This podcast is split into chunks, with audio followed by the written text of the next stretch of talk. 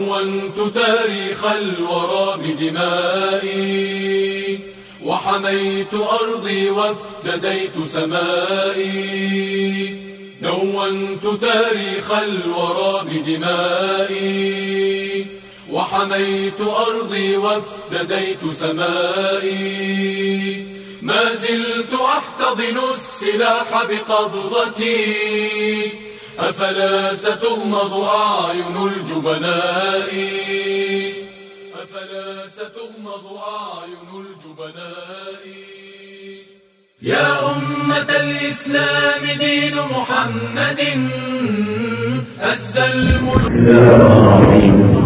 الحمد لله والصلاة والسلام على رسول الله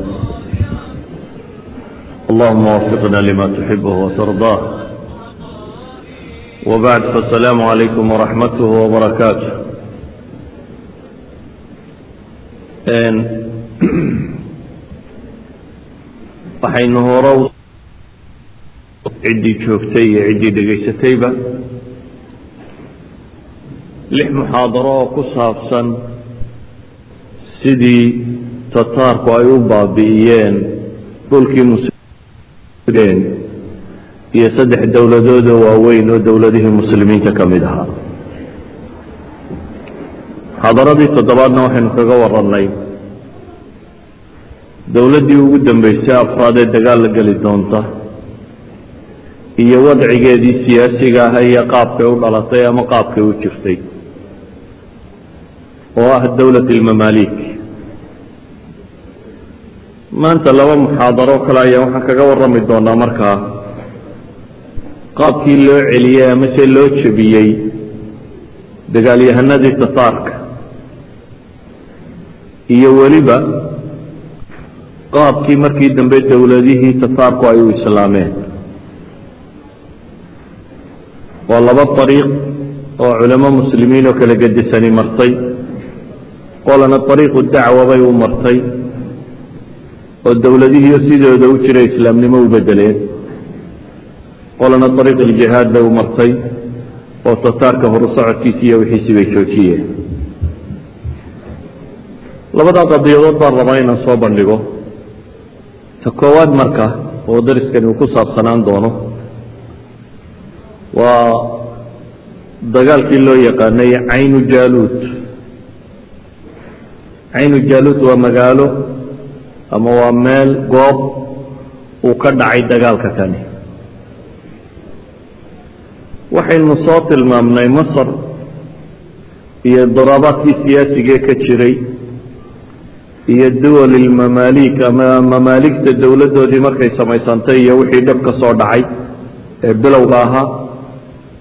Waxaynu soo maray sanad gudihii iyadoo uu dhintay boqorkii hore najmudiin ayuubiga ahaa la dilay inankiisii tawran shaah la dilay ciisadiin aybik oo madaxweynihii ku-xigayah la dilay shajaratu dur oo gabadhiiyana madaxweyneha noqotayah waxaynu soo gaadhnay iyadoo uu maamulka gacanta ku hayo nin la yidhaahdo qitus ama qutus la yidhaahdo maxmuud ibnu manduud qutusna lagu naanayso ama loo yaqaano. Masar waktiga kan markaa masrixeeda daakhiligii saas u ekaa oo tawraad tiro badan ayaa dhexdeeda ka socday.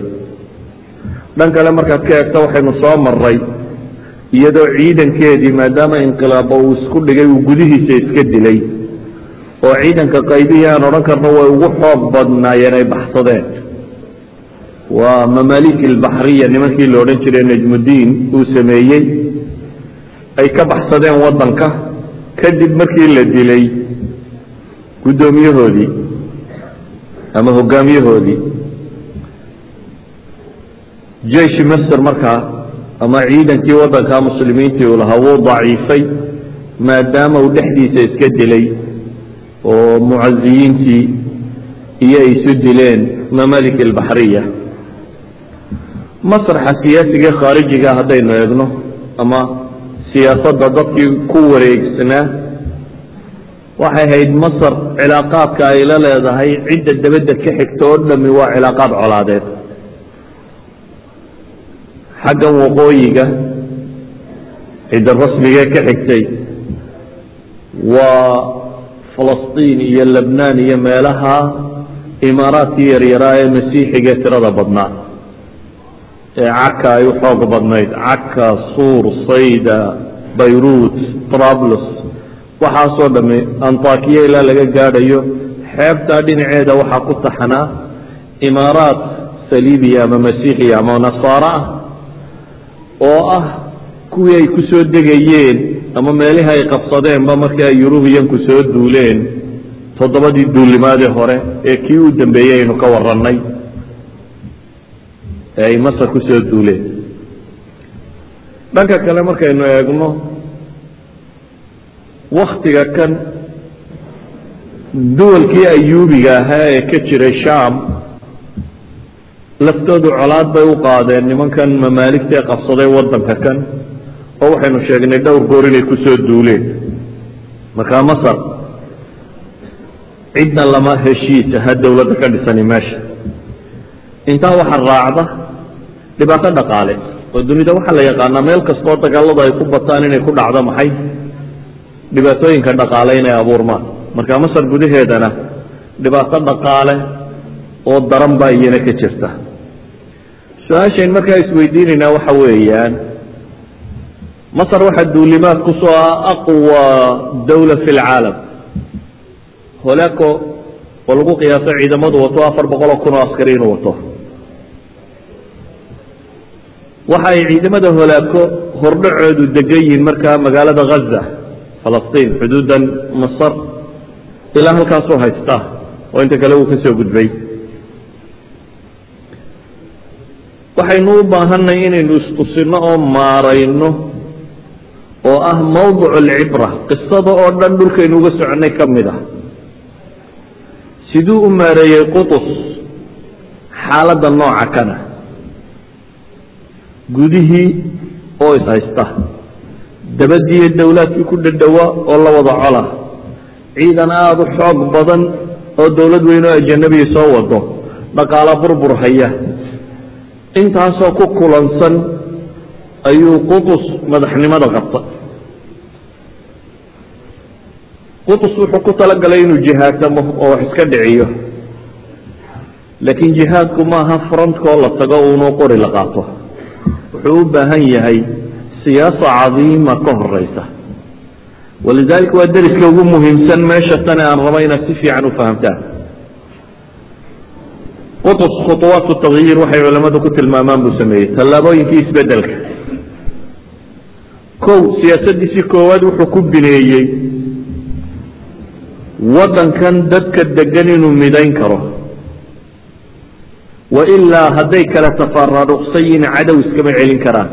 Sawaa koox jihaatamaysa ama ha joogtaa mayay joogin. Waddankan muslimiinta ah ee masar ah haddii siyaasiyiinteeda iyo ciidamadeeda iyo dadkeedu ay ishayaan iyaga gudahooda iyagu ay col yihiin oo isdilayaan. Oo aan soo sheegnay madaxdoodiina intaa laayeen. Inuu intaasoo ninoo madaxii inqilaab ku dhintay. Tawran shah ciizadiin aybek maxaa la yidhahdaa shajarati dur maxaa la yidhahdaa janankii ciidanka haystay farisudiin aqtaay. Waxaasoo nina wac iyo dumarba waxaynu sheegnay in dil ay muteen isagu markaasi wiilkii yaraa meesha ka inqilaabay oo qabsaday inuu dagaal galo aqwa dawla fi lcaalamna inuu iska dhiciyo.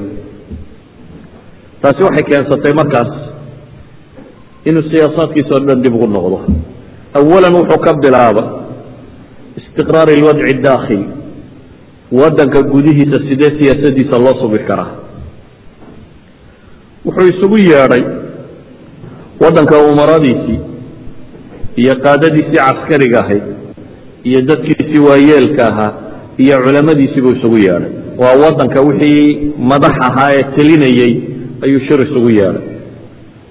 Dabeetana qiطs wuxuu kala wara kala hadlay qadiyadda tan wuxuu ku yidhi markuu soo ururiyey inii ma qasadtu ila an najtamica calى qitaali tatar waxaan idiin sheegayaa buu leeyahay dadyawiina kan madaxda waayeelka ahi wiilkanaan meesha ka riixay inqilaabay ee aan qabsaday dan kale kama lihi. Ilaa iyo inaynu u midowno tataarka inaan iska dhicinno mooyaane. Waxaanan ogahay buu leeyahay dowladnimo inan yaroo caruuri haystaa inaanay wax dhicin karaynin. Walidaalik haddaa ila midowdaan waynu ku midowno inaynu tataarka iska celinno. Waxaan ballan idiin qaadayaa sultadu inay halkaa iga taallo oo ciddii idinka aad doontaan maamulkaa u dhiibataan yani qibs anigu ma ihi nin madaxnimo doonaya waxaana hayse nin raba inuu u taagan yahay inuu muslimiinta wax ka dhiciyo maadaama ay qadiyaddu caynkaa tahay hadda waxaan u baahanay buu ley inaynu dagaalkaa gallo maalintaynu guulaysanana cidday ummaddu u garataa ay madaxu noqoto aqiimuu fi sulطa man shi'tum qibs qataayaadkan culimmadu waxay leeyihiin muslimiinta ahi cadaalad iyo sidq ayaa lagu tuhmaya ma ahayn munaafiq munaawara siyaasiya inuu dadka ururiyo unu ku dagaal galo kursiga ku xejistan inu yaallo ma ahayn. Asbaabo badan oo taariikhiya ay culamadu sharxaan daraaddeed laakiin waktigoo yar waa ka gudbaya. Waxaa kaloo macruufa qiyaadada dhabta ahi qaa'idka marmuuqa ee la yaqaano hoggaanka rasmiga ahi waa hoggaanka xaalaadka azimaadka ummadda ururin kara. Yani waktiga dhibtu jirto iyo azimaadka. Qofka maca alazma ummad hogaamin kara o ururin kara waa qaa'id dhaba. Ninkani runtii sifaat alqiyaada oo dhaba buu watay. Madaxdii iyo umaradii iyo culammadii iyo dadkii waayeelkaa wuxuu kula heshiiyey inuu meeshaa ka daadegayo ciddii la rabana loo doorto saas danta uu leeyahay tahay inuu tataar la dagaalamo. Wuxuu kaloo dib ugu noqday dowladdiisii. Wasaradii iyo kuwii uu arkayey inaanay barnaamijkan xamili karin wuu casilay. Waxaa ka mid ah ibnu bintilaaciz nin la odhan jiray oo ahaa wasiiradii shajaratu duri gabadhii la odhan jiray ku dhowaa wuxuu ku bedelay wasiir la yidhahdo zaynadiin yacquub ibnu cabdirafiic wuxuu ogolaaday raggii mamaaliki ilbaxriya ay hayeen nin ka mid ah inuu ciidamada u daayo aanu ka bedelin. Waa nin isagana la ydhaha farisidiin aqطay asagiir alkabiir waa kii la dilay isku magac laakiin waa nin kaleo labaad. Qiyaadadii ciidanka inuu hogaamiyo. Bacdi ru'uusi اlfitan ama nimankii madaxda ahay inqilaabada wadooday qaybo ka midana wuu xidhay qodob labaad buu sameeyey oo uu dagaalkan ugu diyaar garoobayo. Qodobka labaad ee uu dagaalkan ugu diyaar garoobaya waxa weeyaan alcafwi alxaqiiqiy. Inuu yidhaahdo ummaddu hayse saamaxdo. Waa rag isdilay siyaasad isku dilay madax badan kala khaarajiyey dhibi kala gaadhay kala baxsaday. Oo ciidanka masar ragga ugu khibrada badan le ugu xooga badan le waxaa ka mid ahaa ciidankii uu sameeyey najmudiin ayub ee almamaalik albaxriya ciidankaas janankii haystay waa kan la dilay. Qutus wuxuu ka tirsan koox kale oo mucizey kooxdii uu sameeyey cizadiin aybik. Ciidankaasi raggiisii ninkii ugu khibradda badnaa baan odhan karnaa ee waktigaa noolaa bebrus ninkii la odhan jiray wuu baxsaday dimishik buu tegey naasir yuusuf buu la joogaa qolyo badan oo ciidanka ka midi waa kuwii yaacay ee boqorkii cabaasiyiintu dhexdhexaadiyey ee la yidhi khaze iyo agagaarkeeda iyo meelaha falastiin ha degaan. Badh waddanka dhexdiisay iska joogaan laakiin waa ragga ay ragga colloobeen ee aan waxba gacanta ku haynin. Qatus markaa wuxuu yidhi waxaan rabaa ciidankii mamaalik albaxriya dhammaantii inuu dib u soo noqdaa. Ciidankaasi inuu dib u soo noqdaa khatar wuxuu ku yahay kursiga qutus bale xaqiiqo taariikhiya haddaan sheego iyagaa dilay akhirkii. Paprs laftiisaa dilay iyo koox watay. Laakiin qutus inay khatar isaga iyo dawladdiisa iyo naftiisu gasho iyo in muslimku khatar galo wuxuu qaatay intiisu khatar gasho oo muslimku uu badbaado. Yacni qutus wuxuu u taagan yahay inuu mamaalik albaxriya uu ka xoog batay u sidaa kaga takhalluso oo kursiga kan haysto laakiin ma iska dhicin karaa markaa dawladdii tataarka ahayd. Wuxuu ka door biday in isaga kursigan uu khatar galo bale uu aqbalay inuu kaba tanaasulo haddii ay muslimiintu isku raacday inuu tanaasulo wuxuu aqbalay inuu tanaasulo isaga iyo kursigiisuba inay khatar galaan laakiin faa'iidadu ay maxay tahay?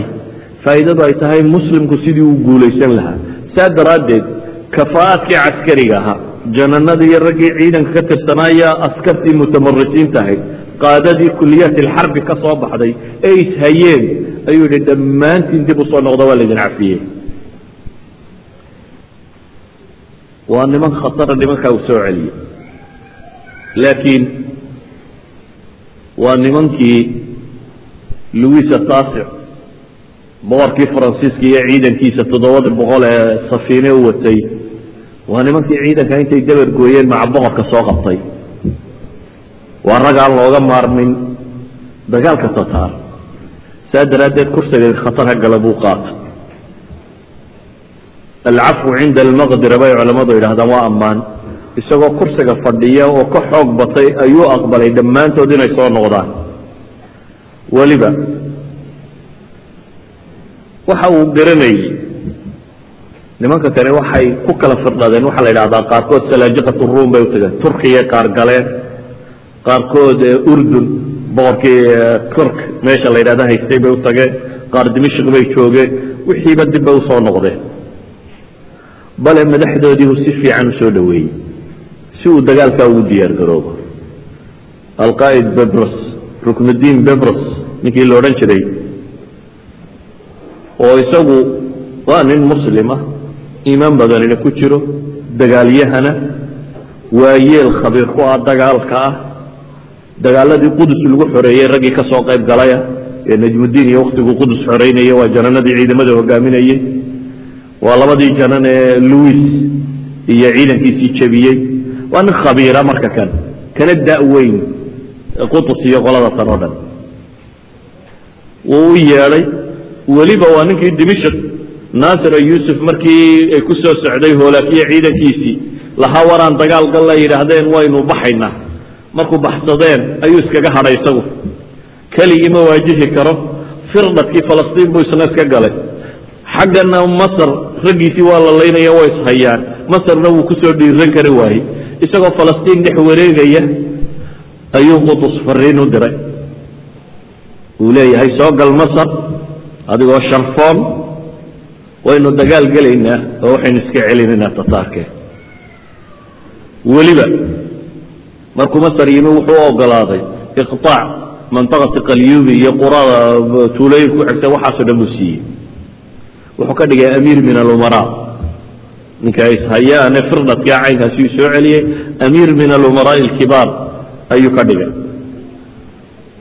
bibrisna waa nin waayeeleh dagaalyahana oo kafa'a khitaaliya caskarinimo leh waa nin dakaa leh very intelligenta takhdiidaadka caskariga ragga looga dambeeya ka mid a waa nin hadduu yimaadana mamaalik ilbaxri oo dham ay ku soo hiranayso yani waa janan laga dambeeyo. Waa soo noqday isna qutus waxay u muuqataa inuu yahay nin ogol khatarta naftiisa marka koowaad laba. Had iyo goor dadka madaxda ahi ma jecla nin kaloo waddanka ama ummadda dhexdeeda magac iyo maamuus ku le inuu dhinaciisa taagnaado. Waayo dadka madaxdii waxay jecel yihiin inuu alwaxiid noqdo. Ama urur yar ha haysto ama dawlad ha haysto ama kan ha haysto in laga garab hadlo ma jecla. Waa afraad yar dadka aqbala in qaada ay ummadda ku dhex jirto aan isaga ahayn waa dad yar. Walaa ururo islaamiya ha noqdaan walaa ururo kale ha noqdaan. Madaxdu waxaad moodaa inay cadaadiyaan inay soo baxaan quwa kale. Qutus waa diraaska aqbalay buu ka mid yahay markaasi. Dad la loolami kara ama magac iyo maamuus ummadda kule inay ka dhex muuqdaan. Walidalika ayuha alikhwa waa inaad garataan. Qadaaya siyaasa maaha macquulaad qura ma aha anaa garle iyo anaa xaqle iyo anaa caynka leh. Waa qadaaya kabiira u baahan qofku inuu jawaari hadduu ummad rabo inuu hogaamiyo ama wax bedelo inuu dhul badan wax ka egaa bay u baahan tahay. Inuu qiimeeyo shararka siduu u kala dooranayo mar baan khayrba meesha ool inaad shar dooranaysaa siduu shararka u kala dooranayo waa yeel garan kara waa inuu noqdaa. Waa inuu noqdaa qof laa ballaadhan oo dadka cafiyi kara beraa lay dilay ama beraa nala dhacay ama beraa kooxdayada laga soo horjeestay ama beraa kooxdayada lacay ama beraa kooxdayada lala dagaalamay dabeeto dadka la heshiin mayno wax dad lagu hogaamiye maaha. Walidalik qudus wuxuu qaatay bulshadii muslimiinta ayd ee masar deganayd iyo wixii raacaba bishaakilaadkooda kala gedisan iyagoo wata inuu mideeyo. Qudus marka haddana wuxuu baxay qadiyo saddexaad baa la yidhaahdaa oo ah asiyaasa alkharijiya siyaasa alkharijiya qayb waa muslimiin. Intii aan weli la qabsan sham oo kale nimankii ayuubiyiinta joogay qaybna waa masiixiyiin. Imaaraadkaasi xeebaha ku taxan jooga. Ayuubiyiinta sham jooga waa nimankii locolka ahaa dowla almamaalik ee u arkayey tawraan shaah iyo inay dileen ee intaasoo duulimaad ku soo qaaday. Bale waxaynu ka warannay qutus laftiisa inuu laba goor ku soo ku soo duulay muqitadiin cumarkii la odhan jiray oo laba jeer celiyey waxaynu hore uga soo warannay cizadiin aybak in lagu soo duulay oo uu celiyey yacni imaaraadka sham ka jira iyo masar dagaal baa udhaxeeya oo intaasoo goorba ayuubiyiintu soo duuleen iyagoo masar ku duulaya. Laakiin qutus wuxuu qaatay go'aan ah nimankaasi inuu heshiis la geli karo. Waa nimankii mamaaligtii baxriga markay carartay dhammaantood soo dhoweeyey ee weliba rabay inay kula soo dagaal galaan dib ugu soo dagaalgeliye meesha tan. nimankan uu rabo inuu xidhiidhka la sameeyo waxaa ka mid a baqdaad markii la qabsaday qaar baan xagga tataarka u duulinay masar ku duulo ayuubiyiintan ka mid a iyadoo baqdaad la haysto. Caasimat alkhilaafa alislaamiya ayuu tataar ciidan kuma saarine wuxuu ciidankiisi ku saaray. Masar inuu qabsado iyo dowla dowlat almamaalik waxaas oo dhibi iyadoo jirta. Ayuu qutas wuxuu ka fekeray islaamkii waa kanoo saddexdii dowladood ugu waaweynaa. Jabe waxaa hadhay masar sidee islaam loo badbaadin karaa? Ma aha sidee kursigiisa loo badbaadin karaa? Taasi waxay keensanaysaa dad muslimiina oo cadow kuu ah ama aan kula koox ahayn ama mararka qaarkood xagga gaalka u janjeedhay inuu isku dayo inuu ka soo jiito ama ka soo kaxeeyo ama ugu yaraan inuu muxaayidiin ka dhigo. Muxaayidku waxa weyaan dhexdhexaad inuu ka dhigo oo isaga iyo tataarka isu daayaan. Caqliyaadka maanta noole waxay odhan lahaayeen iyagaa murtadiina ka bilow. Sacankaa maaha ama caqliyaadka maanta jira waxay odhan lahaayeen gaalka ku-xiga un ku bilow oo qoladan kristanka iyo meeshan ka bilow. Tataarku wuxuu arkaa waxaan oo dhan khatar ka weyni inay jirto. Ayuu qutus u arkaya saa daraaddeed mashkilaadku way u kala ratiban yihiin iyadoo acdaa ay u wada yihiin isaga. Qoladan kristankii waa u acdaa oo kuwa dagaalka hadda kala soo baxeen. Ayuubiyiintan muslimiinta sheeganaya waa u acdaa oo kuwa intanoo goor ku soo duulay. Tataarkuna waa u col oo intanoo gura ka soo guuray. Saddexda colba mar lama wada dagaalami karo. Si awgeed wuxuu ku talagalay tataarka inuu colnimadooda u daayo iska dhiciyo. Kristanka inuu heshiis la galo oo ay nabadgelyo un isa siiyaan. Kuwa muslimiinta wuxuu ka soo jiidan karo inuu ka soo jiito oo safkiisa uu ku soo biiro. Siyaasa alkhaarijiya saasuu ku bineeyey. Dabeetana waraaq buu diray. Waraaqda koowaad wuxuu u diraya annaasir yuusuf dimashq kii haystay oo markaaka ugu xoog buuran ah ayuubiyiinta. Waraaqda wuxuu ugu qorayaa niyo waxaan rabaa buu leeyahy masar iyo sham inaynu midayno. Oo cadowga adiga kugu soo socdee kugu soo horreeya aynu iska wada dhicinno. Waa intaan dimashq la qabsan. Dimashq iyo xalab buu ka telin jiray intaan la qabsan. Cadowgaa inaan kula dhiciyaabaan rabaa. Labada wadanna intaynu isku darno adigu madax ka noqo. Laakiin gaalkaan la wada dagaalano waraaqdu u qoray wuxuu ugu qoray baa la yidhi wain ikhtartanii khadamtuk وإن اخترت قدمت ومن معي من العسكر نجدة لك على القادم عليك. فإن كنت لا تأمن حضوري صيرت لك alcasaakira صحبة من تختار. wuxuu leeyahay haddaad aqbasho naa'ib baa kuu noqonaya waa kuu shaqaynaya dowladda adigaa kuu dhiibaya haddaad rabto anigoo ciidankayga wataan kuu imanaya halkaasaan kaala difaac gelaya masar sugi maayo inta la imanaye shaam baan ka dagaalgelaya anigoo ciidanka wata. Haddaad aniga iga shakisantay buu yidhi. Isku darso ciidanka oo dhanna aan kuu soo diro ciddaad adigu doonto madax uga dhigo. Ciidankii masar joogay waan soo dirayaa shaam ha kuu yimaado. Adiga ha ku difaacaan weliba ciddaa doontana madax ka dhig buu leeyahy ciidankaasi oo kaxayso naasir ma aqbalin. Midnimadaa wuu diiday. Midow ma raba buu yidhi. Waabu isxambabooro wuxuu yidhi anigaaba dagaalamaya maxaan cid ula madoobaya laakiin kooxda dagaalanta maahayne markii xalab la qabsaday ee isaga lagu soo dhowaadayna wuu cararay. Waataynu taarikhtiisa hore uga soo warannay sidii u ordayo kolba meel u gelayey meel yaroo jafar la ydhahdo saxaaro ah in hoolaaka ciidamadiisii intay ku qabteen hoolaaka loo diray. Nasiib darra laakiin intii hoolaaka lagu sii waday ayuu qutus soo jebiyey ciidamadii tataarka firdhadkoodii baa isaga hoolaaku u tegey hoolaakaa dib u soo celiyo o yidhi kani waa khaayinku u shaqayn karaya meeshii madax uga dhigo. Isagoo dib loo soo wado ayaa firdhadkii ciidanku jebiyey qutus. Firdhadkoodii tataarkii oo cadhaysan ayaa cidlo ka helay iyadoo madaxnimo loo soo wado kuwaasaa diloo ka takhallusay isaga. Ayan kaanat naasir wuu diiday dabeetana wuu cararay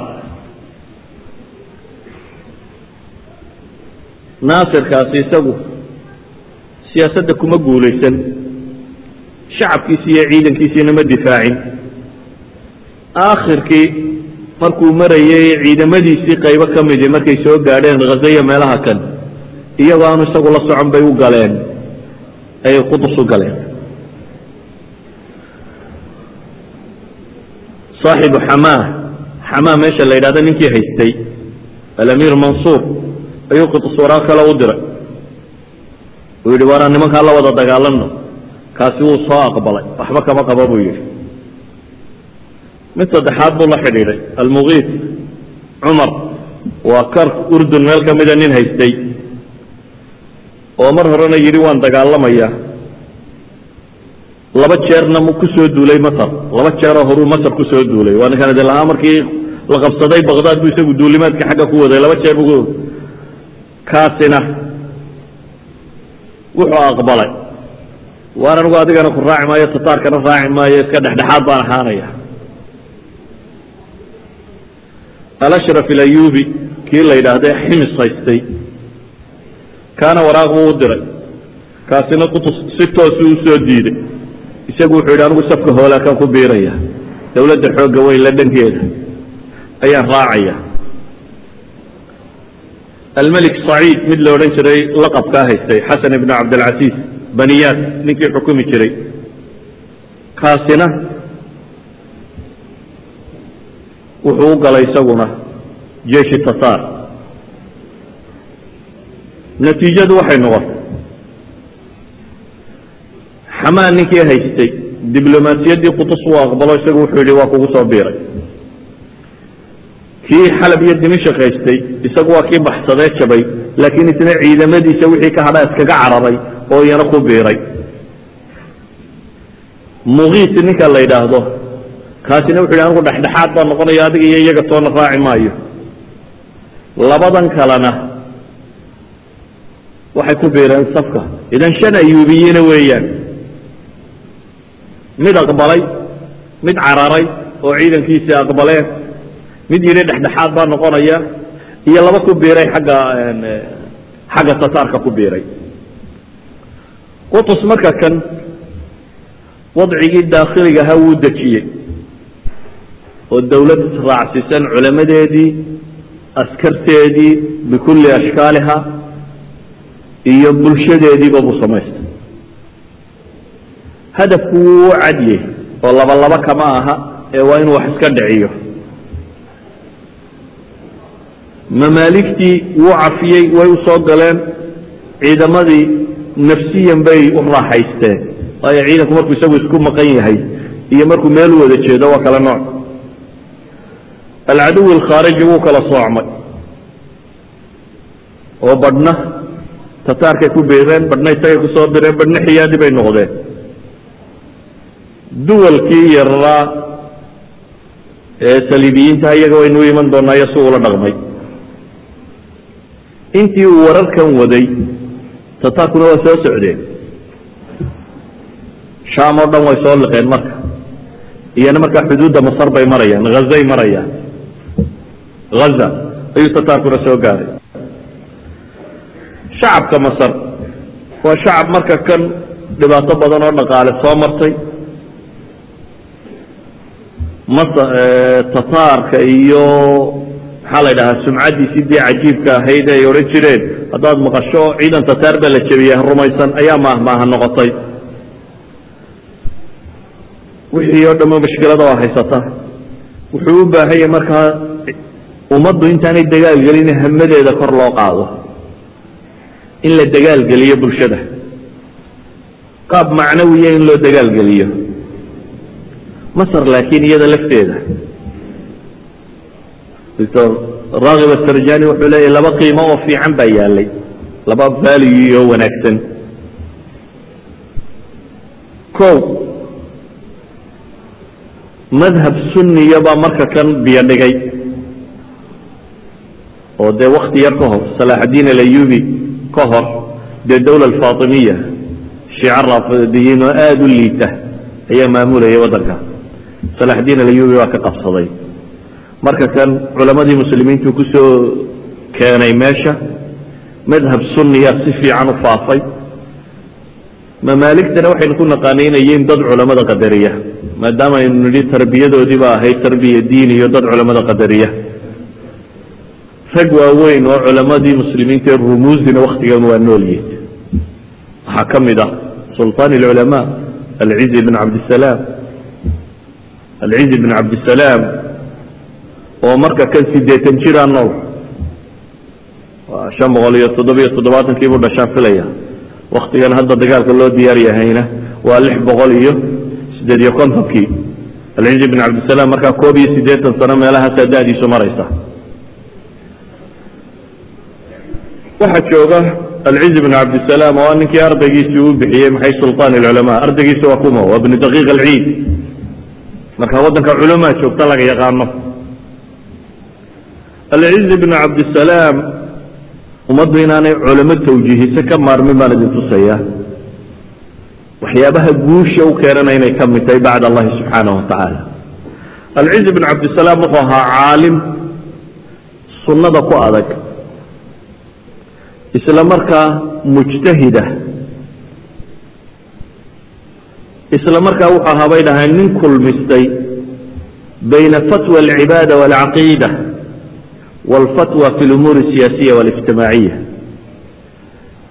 nin mujtahida buu ahaa bay yidhaahdaan oo culumta sharciga ee caqiide iyo شharci iyo cibaada iyo mucaamalaadna si fiican u yaqaana oo ka fatwooda dhanka kale marka loo eegana qadaayaadka siyaasiga nin basiiro dheer u leh oo mufti ku ah abu ahaa bay yidhaahdaan alcizi بn cabdisalaam sayn u fahamno sheekha kani qiimuhu mujtamaca ku dhexleeyaan laba qiso idin tilmaamo. O cizi bn cabdisalaam masar uma dhalan reer masar maaha waa nin reer dimishq ah. Dimishq buu ku koray. Dimishq buu wuxuu joogay khatiibka jimceed ahaa qaadiga muslimiinta ahaa muftiga dowladda ahaa. Laakiin asaalix ismaaciil alayubi nin la odhan jiro dowla ayubiya ka tirsan ayaa wuxuu qaatay go'aan ah najmudiin ayubigii masar haystay mamaaligta ka horreeyey ninkii mamaaligta sameeyey inuu ku duulo? Dabeetana wuxuu aqbalay inuu taxaaluf samaysto qolo kristana inuu kaxaysto isaga iyo gaaladu intay israacaan inay ku wada duulaan masar bishar gaaladu maxay ku raacaysaa? Labada magaalo sayda iyo shaqiiq la yidhahdaan idin siinayaa buu leeyahy labadaa magaalo idinku qaata hadday igula duushaan masar waxaanan aqbalayaa hubkana in laydinka iibiyo hubka in laydinka iibiya macnay samaynaysaa? Ma garanayo saa ufahmi kartaan.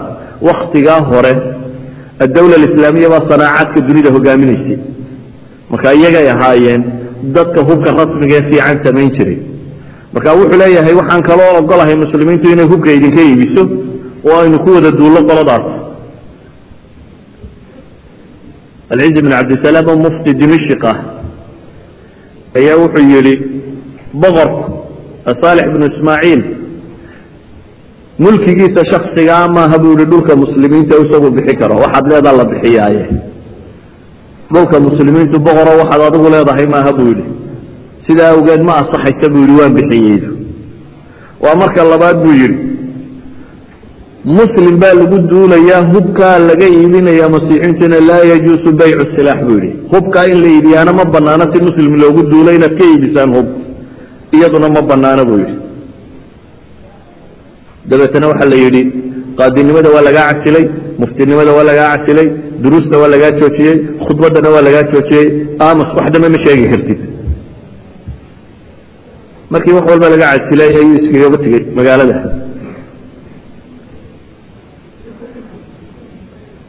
way xidheen. Mudduu xidhnaa xabsigii markii uu ka soo baxay oo wax walba loo diidayna uu iskaga tegey bayt ulmaqdis buu qabtay. Bayt ulmaqdis buu iskaga talagalay inuu halkiisaa wax ku dhigo wax akriyo isagoo halkii jooga ayaa ismaaciilkii asaal ismaaciil alayubi iyo qoladii kiristanka oo wada socoto duulimaadkii iyo qudus soo maray sheekhiina wuxuu joogaa bayt almaqdis dabeetana ninkani waa nin sumco iyo bulshada magac ku leh. Weli wuxuu rabaa inuu muslaxdo sheekha. Nin buu u diray wuxuu yihi waxaad ku tidhaahdaa? Fariintaa gaadhsii nin baa u yimi sheekhiyo meeshiisa iska joogo wuxuu ku yidhi sheekh in wixii aada mansab haysato dhan lagugu soo celiyo qaadinimadii iyo madaxnimadii iyo muftinimadii iyo khitaab wixii oo dhan inaad hesho iyo waziyaada weliba dheeraadba lagugu daro. Waxa kaa xiga uun inaad suldaanka u yaro cudur daaratid. Suldaanka u tagoo tankasir leh u yaro cudur daaro. Oo gacantuun ka dhunka buu yidhi bs intaa u samey suldaanka intaa u tagto salaamdhe khalaas arrimuhu dhegdheg bay noqonayaan wax waliba way dhammaanayaan alciz bn cabdisalaam wuxuu ku jawaabay wallahi ya miskiin ma ardaahu an yaqbila yadii fadlan an aqbila yadah ya qom antum fii waad waana fii waad walxamdu lilahi aladii caafaanii mima ibtalaakum bih wuxuu ku yidhi miskiin yahow inuu aniga gacantayda dhunkado raalli kama ihi tiisa daa ina dhunkadee adu waxa leeay kaale boqorka soo dhunkee isagu inuu yimaado aniga dhunkado. Maan rabo buu ku yidhi waxaan kuu sheegayaa buu yidhi idina dhan baa u socotaan. Anna dhan kalean u socda isku webi ma haysana buu le isku dooxo isku waddo ma hayno. Idinkuna waddaa haystaan aniguna waddo kale ayaan haystaaye. Ilaahay baan mahadinaya waxa idinkaa uu idinku ibtilay aniga iga caafimaad yeelay. Dee adduun baa aakhira siisateene ilaahay intuu waxaa idinku idinka idinku ibtilay aniga iga caafimaad yeelay baan. Waxay dhahdaan mar kaluu xidha. Dabeetana isagoo khaymad yaroo kanu boqor ku jiro dhinaceedaa ku xidhan oo qur'aan akhrisanaya bay idhahdeen baa waxa u soo galay. Saliibiyiintii baa waxay u yimaadeen ismaaciilkii iyagoo la hadlayuu yihi qur'aankaa baxaya ma maqlaysaan markaasay idhahdeen ha wuxuu yihi waa muslimiinta wadaadkii ugu weynaa ayaa halka igu xidhan. Waxaanan u xidhan arrimihiinuu diiday yani waa uun irhaabigii ugu weynaana waanu haynaa duwalka reer galbeed marka kii ugu weynaana xabsigii igu jiraa weeyaan qoladaas marka wuxuu leeyay kii ugu weynaana halkuu joogaa oo uu ii xidhan yahay. Laakiin qolada masiixiyiinta waa qaar ka caqli badanba ninka kan waxay ku yidhaahdeen annaga hadduu ahaan lahaa qisiskayga ugu weyn cagihiisa intaanu maydhnaa baanu biyihiisa cabbi lahayn bay idhahdeen aanu xidhna daaye. Dadkaba ninkii cilmiga u hayay dad xidhatay annagu maanan xidhaneen bay idhahdeen ka noogu weyn. Intaanu adimadiisa maydhno ayaanu cabbi lahayn nasiib wanaagse waataynu dhi najmudiin ayub markaynu ka soo sheekaynaynay. Wada socotoo dhan intuu jabiyey buu bayt ilmaqdis xoreeyey. Lix boqol iyo saddex iyo afartankii waynagii soo sheegnay in la xoreeyey bayt ilmaqdis meesha dadkii lagu xoreeyey buu ka mid ahaa sheekhu markaa wuu kaxeeyey. Najmudiin ayuubbaa kaxeeyey. Oo geeyey. Masr masr baa laga dhigay muftigii iyo qaadigii iyo wixii oo dhan. Laakiin sheekhu markuu masr yimi ayuu wuxuu yimi niman mamaalika oo umaro oo dadka xukumo oo caynkan oo uu boqorku leeyahay. Dabeetana haddana sheekhu masr buu fatwo kale ka soo saaray. Ah nimankan beecooda iyo maamulkooda toona laa yajuuz ma banaana buu yidhi. Oo sheekh maxaa dhacay? Waa addoommo buu yidhi cidimo xorayn manaasib alculya lidawla alislaamiya xornima u shardiya beecooduna ma asaxo weli waa addoommo buu yidhi. Nimankan waxba kama socdaan. Dowlad dhan oo meel ka talinaysu sheekhu yimi laakiin fatwadiisii haddana waxay taagan tahay wixiina kanisadan uma socdo. Waa la cadhooda ilaa xad ay isku dayeen inay dilaan. Mid ka mida amuuradii ugu waaweynaayo qolada tan baa u soo galay. Isagoo raba inuu dilo seefkiisa sitaa la yidhi albaabku ku garaacay.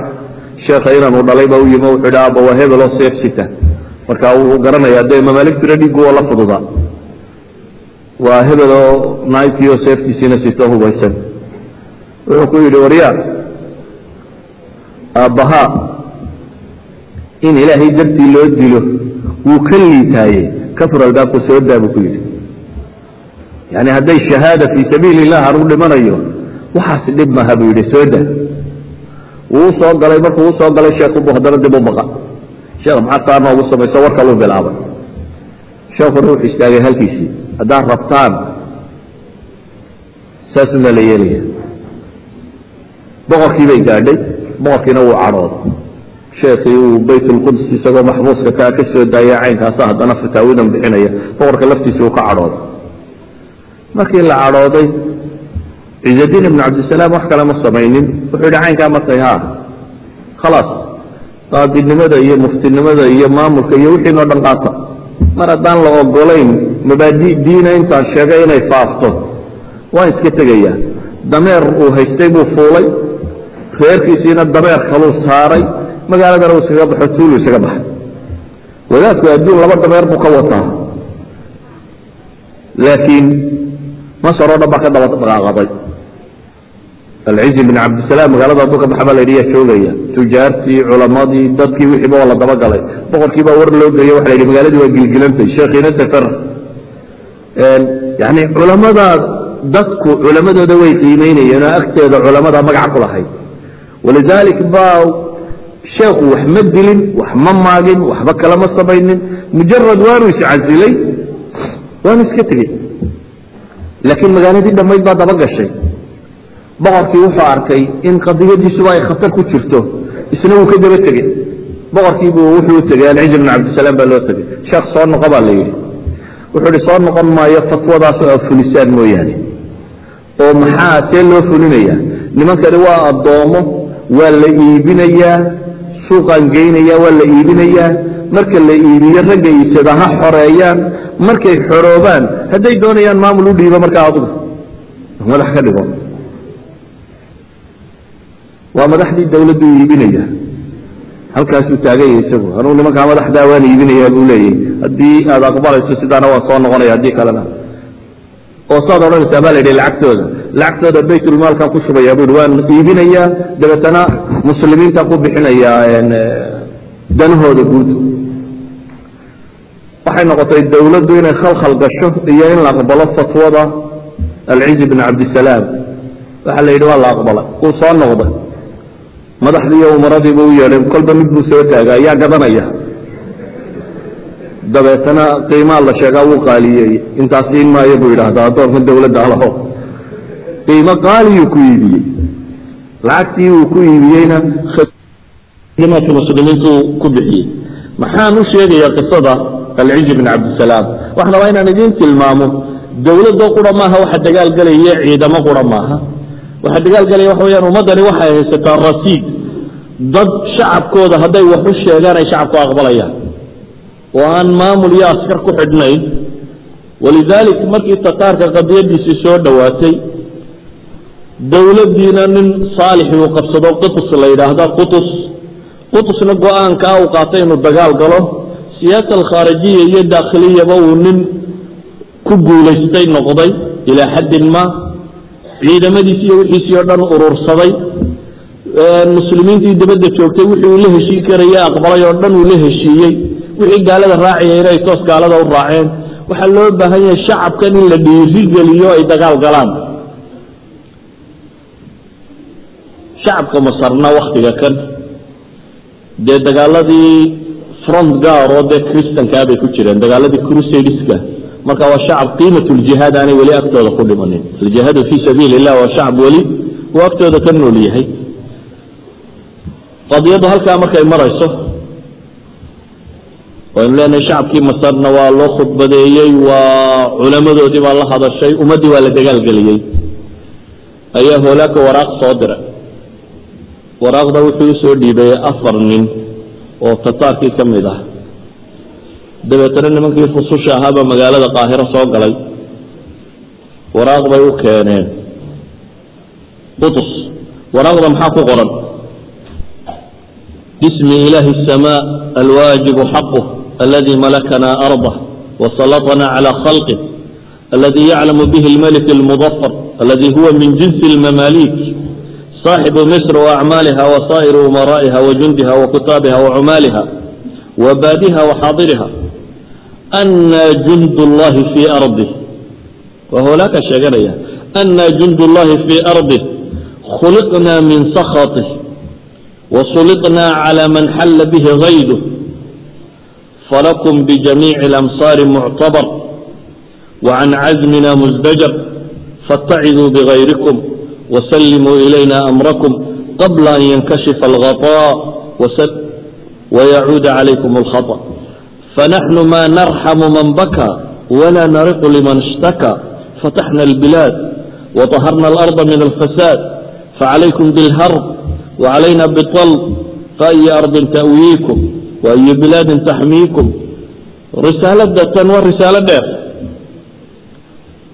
هناك وحلي مقع إلها عرك له أي واجب طاعدي ستهيبا قب فرفضي يقول كي مكان سيي ee khalqigiisa igu salliday boqor yahow buu yidhi meesha jooga ee weliba addoommaha ka midi min jinsilmamaalik ka tirsani ee masar iyo inta u dhadhow xukumaa waxaad og tahay buu yidhi annagu inaanu nay askartii ilaahay cadhada ilaahay baana laga abuuray. Wixii rabbi nacana waana lagu salliday waxaan dhul soo baabi'iyey baa kuugu filan cibro qaadasho ee dadka kale ku cibro qaada buu leeyahy oo maxay yeel amarkiina noo dhiib. Intaan ceebtiinnu muuqan. oo gafkiinnu idinku dhicin. Annagu ku ooyo uma naxariisanno. Ku ashtakooda uma qalbi dabacno. Dhulka waanu furannay.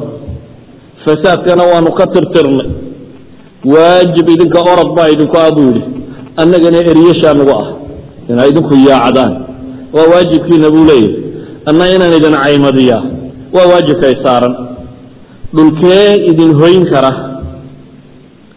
Xaggaa seeftayada ka geli kartaa gacantayada lagama baxsado. Fardahayaga lagama dheereeyo. Seeftayadu waa sida danabka. Warmahayagu waa kuwo wax jeexa. Qalbiyadayadu waa sida buuraha. Tiradayadu waa sida ciidda qalcad iyo xusuuni. Yacni meel la galaa wax nagama celiso. Ciidan la samaystaa wax nagama anfacaan. Baryadiinnana looma aqbalo. Waayo buu yidhi xaaraantaa cunteen. Oo salaanta inaa celisaan baad diideen oo dhaartaa beeniseen. Oo cuquuqul waalideynkaa idinku tiro batay. Oo cisyaankaa idinku badan. Ku bushaaraysta buu leeyahy dullinimo iyo mahaana markaasuu qur'aanna ku soo qoray. Meel kasta adiib munaafaqaa jooga. Kuwan wuxuu soo qoraya. Ee afkan carbeeda caynkana soo qoraya waa udaba munaafiqiin oo tataar ka tirsan. Qur'aan bay soo istidlaalayaan dhayso warqada holaaka waxa ku qoran. Falyawma tujzawna cadaab alhuni bima kuntum tacmaluun wasayaclamu aladiina dalamuu aya munqalabin yanqalibuun. Holaakaa soo qoraya. Maanta buu leeyahay cadaabka wax duleeya ayaa leediin waxaa camal samayseen daraaddeed. Kuwa dulmiga sameeya meeshay u noqon doonaan waa garan doonaan buu yidhi. Walaaka wuxuu leeyahy waqad habat an naxnu alkafara wa antum alfajara buu yidhi. Waa sugantay buu yidhi annagu inaanu gaalanay idinayna faajiriin tihiin. Waqad sallaطnaa calaykum man biyadihi lumuur laakiin waxaa nagu kiini taxaabay buu yidhi allaha gacantiisa wax waliba ku jiraan tiro badniduunu annaga agtayda waa wax yar buu yidhi. Sharaftiinuna agtayda waa daliilnimo.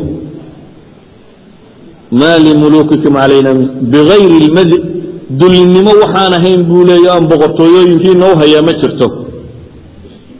Waraaqdan wuxuu ku gebagabeeyey. Falaa tutiilu alkhitaaba wa asricuu radda aljawaab. Warkana haygu badinina. Jawaabtana dhaksa u soo dira. War yaroo kooban oo ways dhiibnay una soo dira. Dee wax kala laidinkama sugaya weeyaan saasuu hoolaa ka soo qoray. Waa risaalo aan diblomaasiyada aqoonin. Duwalku markay wada hadlayaan walow daciif iyo kanaad la hadlaysaa. Nooc min maa ilwajhi bay u dhowraan.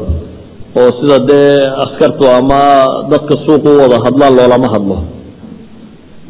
Qofka dowlad maamula walow uu daciif iska yahy idinka arkay dowlado yaryaroo intay dowladaha waaweyn u danaha labada dowladood baanu ka wada hadalnaiyo sidii mustaqbalka loo horumarin lahaa.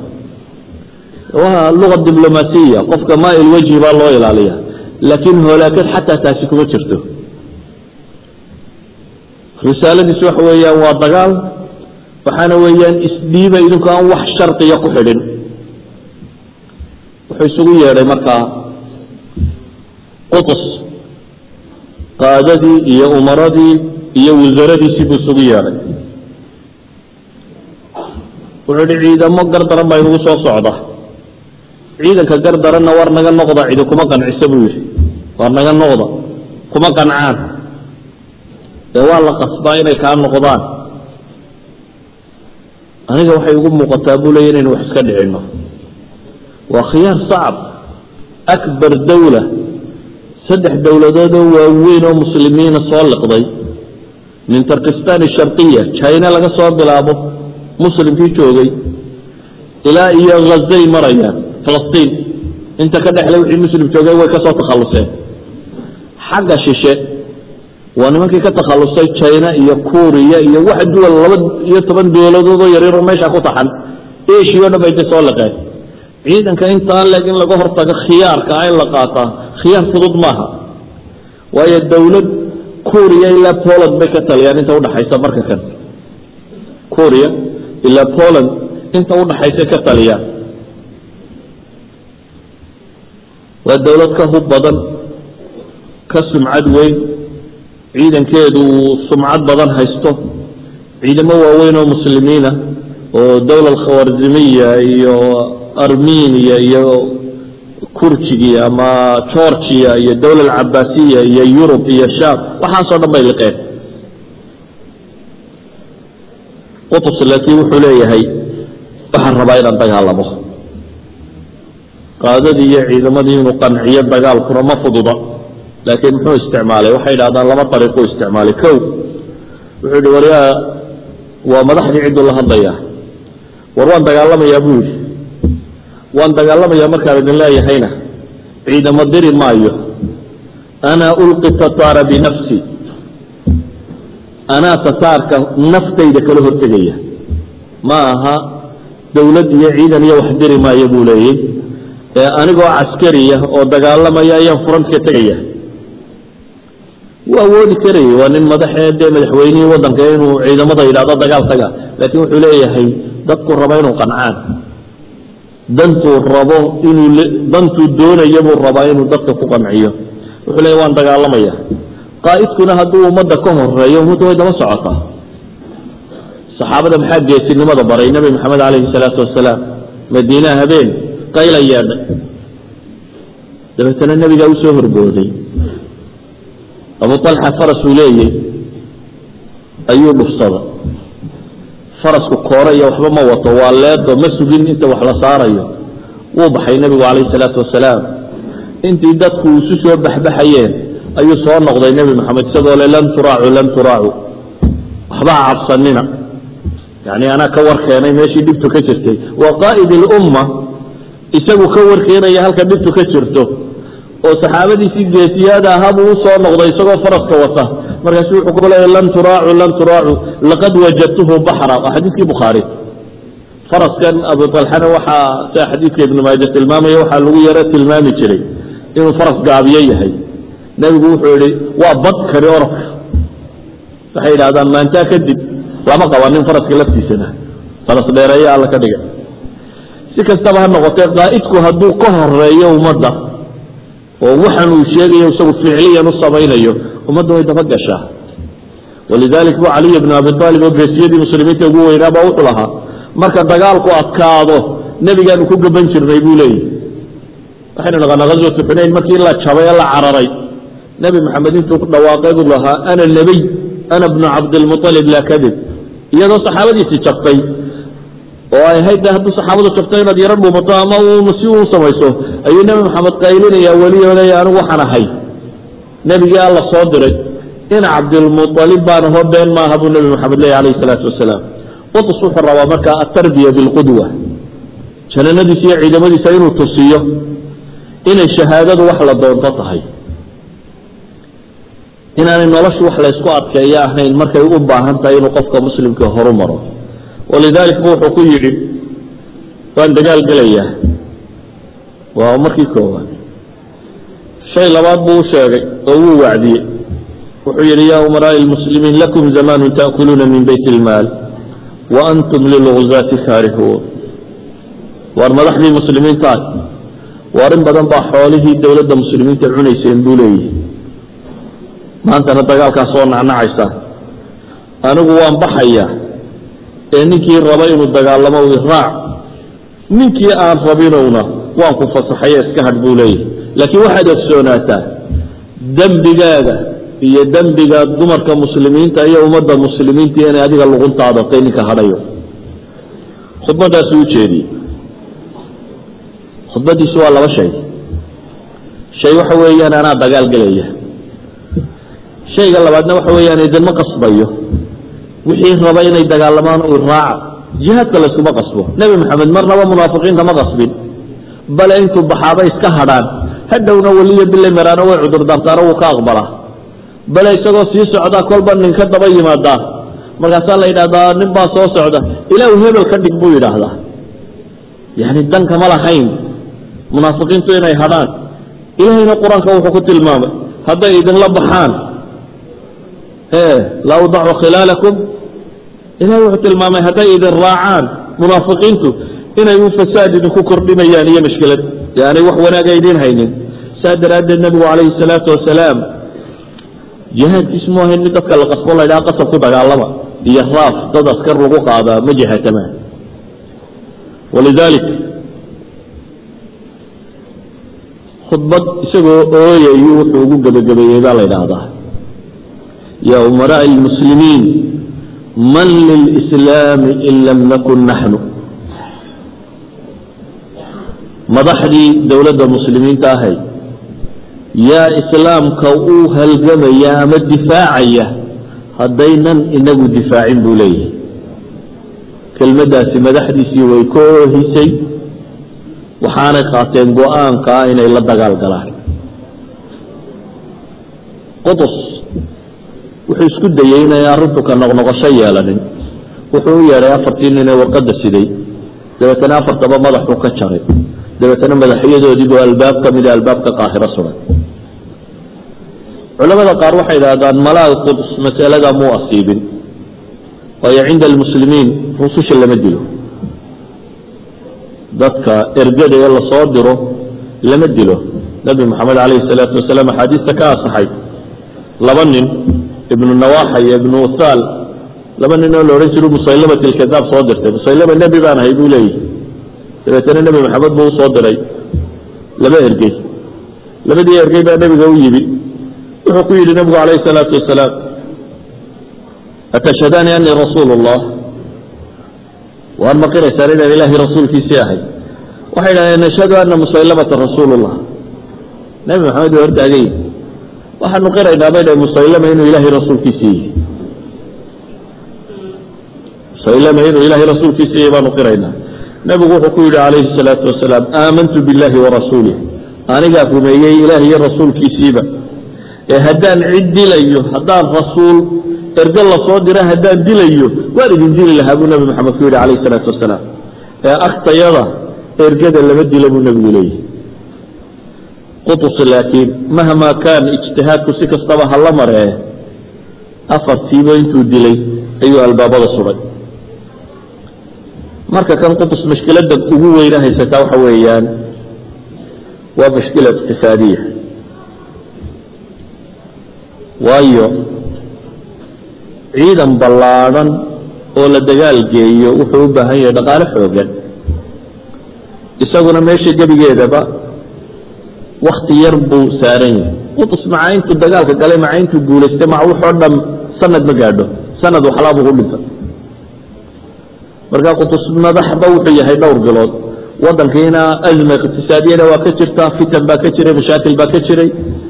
Tijaaradii muslimiinta guud ahaanba way istaagta waa kan tataarku barig iyo wixii oo dhan qabsaday azmo dhaqaaleed xoogan baa ka jirta see loo dagaalgelinaya marka. Saddex biloodna madax buu yihi khasnadii dowladdana dhaqaale kuma jiro. Wuxuu isugu yeedhay culamadii iyo dadkii. Culamada markaa wuxuu ka rabaa inuu yidhaahdo waxaan rabaa dariiba tax cusub in dadka laga qaado aan dadka ku dagaalgeliyo cashuur ha la qaado buu leeyahy zakadii iyo wixii kuma filla. Marka cashuur ha laga qaado dadka waxhaysta si ciidanka loo hubeeyo loo dagaalgeliyo laakiin halkan waxaa joogaa nin caalim oo muftiya oo aan qaqaloo cumarin ibnu cabdisalaam la yidhaahdo. Ibnu cabdisalaam wuxuu yidhi haddii cadow dhulka muslimiinta ku soo duulo waxa waajib ku ah muslimiinta oo dhamme inay la dagaalamaan. Waana bannaan tahay raciyad iyo shacabka in laga qaado wax dagaalka lagu galo oo ka badan zakawaadki iyo wixii laakiin bishardi buu yidhi. Hanti weydiin maayo ilaa shardi la helo baytulmaalka khasaanada dowladda waa inaan shilin ku hadhin buu yidhi. Dowladda oo lacag haysato dadka wax laga qaado soconaysa buu yidhi. Khasnada dowladda kow waa inaan shilin ku hadhin. Marka labaad buu yidhi nimankiinan umarada iyo madaxda ah ee nin walba dhulka iyo tuulooyinka dhan loo gooyey ee hubka iyo dahabka iyo qalabka haystaa idinna waa inaad dadka la mid noqotaan aan waxba idinku hadhin. Haddii madaxda dowladdu hantideeda keento khasnada dowladda waxa ku jirana la keeno. Markaasaan fatwoonayaa buu leeya in dadka yar xoolaa laga qaado. Iyana waa fatwo kaloo adag. Oo umaradii hadda lagu soo qanciye war dagaal gala. Xoole waxa idinku haysateenna geeshka siiya. Iyada lafteedu ma fududa. Laakiin alciz bnu cabdisalaam go'aankiisu waa kaa waa xaaraan buu leeyahy shacabka xoolahooda la qaato iyadoo aanay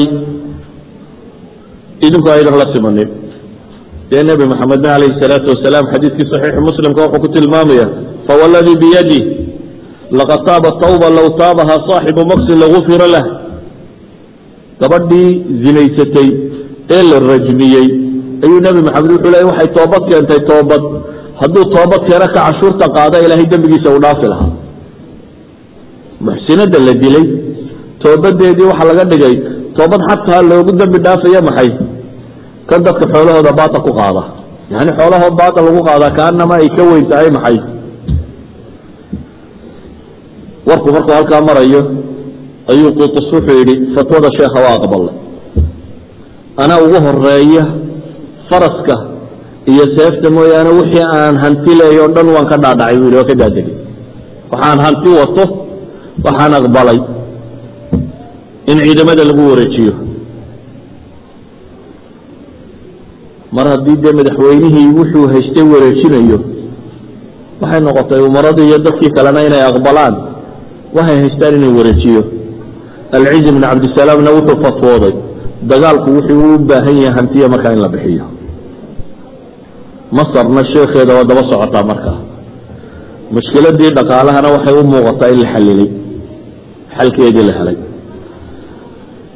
Ciidankii waa la diyaariyey waa la dhaqaaqay waxaase markaa iyana mashkilada wuxuu qaatay go'aan ah inaanu masar gudaheeda ku sugin. Waayo wuxuu leeyahy ciidanku hadduu masaf jabo meel dambe uu isku urursan karaa ma jiro. Marka waa inaan ka hortagaa buu leeya o dhankay joogaan ugu tagaa. Laakiin xaggan ay joogaan markuu tagana wuxuu soo dhaafay dowlado yaryar oo badan oo masiixiyiina oo uu ka baqay inay ama waddankii u weydaartaan dagaal ama isagaba ay xagga dambe kaga dhuftaan intay heshiis la galaan tataarka mal camal idan? Ma iyagu ku bilaabaa kuwa kanoo waddadu bannaystaa? Hadduu waddada bannaysto kuwan ku bilaabana tataarkoo boqolaal kun oo askari haysta wuxuu gaadhayaa isagoo dhaawac iyo dhimashaba sita. Oo dagaal la soo galay oo dhib qaba. Iyadoo awalba laga xoog badnaa haddana ciidankiioo soo dagaalamay inuu tataar gaadhana waa dhib badantay. Wuxuu qaatay caqliyadda ah inuu kuwa taxyiid alacdaa yacni nebi moxamed calayhi salaatu wasalaam markuu dagaalada gelayey muu odhan gaal oo dhan baa la dagaalamaya. Laakiin wuxuu go'aansaday inuu quraysh la dagaalamo oo iyagaa dagaalka ku bilaabay. Dadka inta kalena inuu heshiis la galo iyagoo gaaladooda ah. Yahuud saddexdii qabiilba heshiis buu nebi moxamed la galay calayhi salaatu wasalaam qabaa'il kaloo badan oo carbeed heshiis buu la galay. Qurayshna dagaal bay isku wadeen siyaasadda islaamiga kaba mid aha nin yidhaahda gaalow cirkiiyo dhulkaba iskaga kaalay. Anaa kuu babacdhigaye ma aha siyaasa islaamiya. Nebi moxamed calayhi salaatu wasalaam wuxuu isku dayay inuu gaalo kala qaybiyo.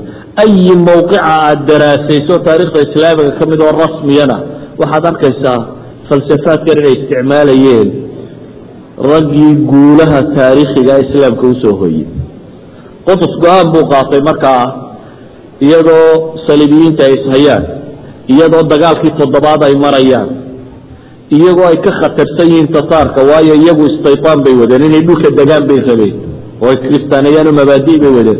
Qolada tani xoolaha iyo dadkaba way dhacayeen ama waa leynayeen iyagu diin iyo mabaadi'toona may wadin de xadaaraba may wadeen inde qoladan asia ka timid ee tataarka ahay laakiin waxaa khatarsanaa marka kan qoladan saliibiyiinta ah waktiga kan. Laakiin wuxuu u arkayey inaanay waktiga kan hadduu heshiis iyo nabad helayo inuu heshiis iyo nabadda qaato qotos markaa wuxuu u diray caka ayaa ugu xoog badan imaaraadka saliibiga ah. Caku u diray waa caka xayfa sayda suur bayruut lazaqiya antakiya waxaasoo dhami waa duwal kristan oo meesha ku taxaniyana waa duwal kristan oo xataa salaaxadiin alayubi uu awoodi kari waaye inuu furto. Wuxuu u diray markaasi rusul uu leeyahay caka waxaan idinka rabaa inaynu heshiino akhiiran markii muddo la wada hadlay waa la heshiiyey. Waxay ku heshiiyeen wuxuu ku talagalay intaanay tataarka la heshiin inuu isagu la heshiiyo waxay ku heshiiyeen inay hudna wada galaan toban sannadood inaan wax dagaali dhex marin labadooda kooxood dhulkaygii waan ka imiye wixii ciidanku uu baahdo ee raashinka iyo wixii la mida inaynu wax kala iibsano dad nabado wax kala gadanaya noqono abaalmarin haddaa intaa ii gashaan idinkana waxaan idiin samayn doonaa. Haddaan tataarka jabiyo fardaha tataarka ee khatarta ee aad taqaanin baan wax idinka siinaya buu oo idinka iibinaya kuwaasaanana wax idinka iibinaya. Haddaa idinkuna heshiis kani la gashaan. Waa heshiis tabaadul ilmasaalix cagkana waa meel aada u qalcado xasiina leh. Way aqbaleen. Heshiiskaasuu la galay. Wuxuu bilaabay markaasi inuu ciidankiisii soo dhaqaajiyo.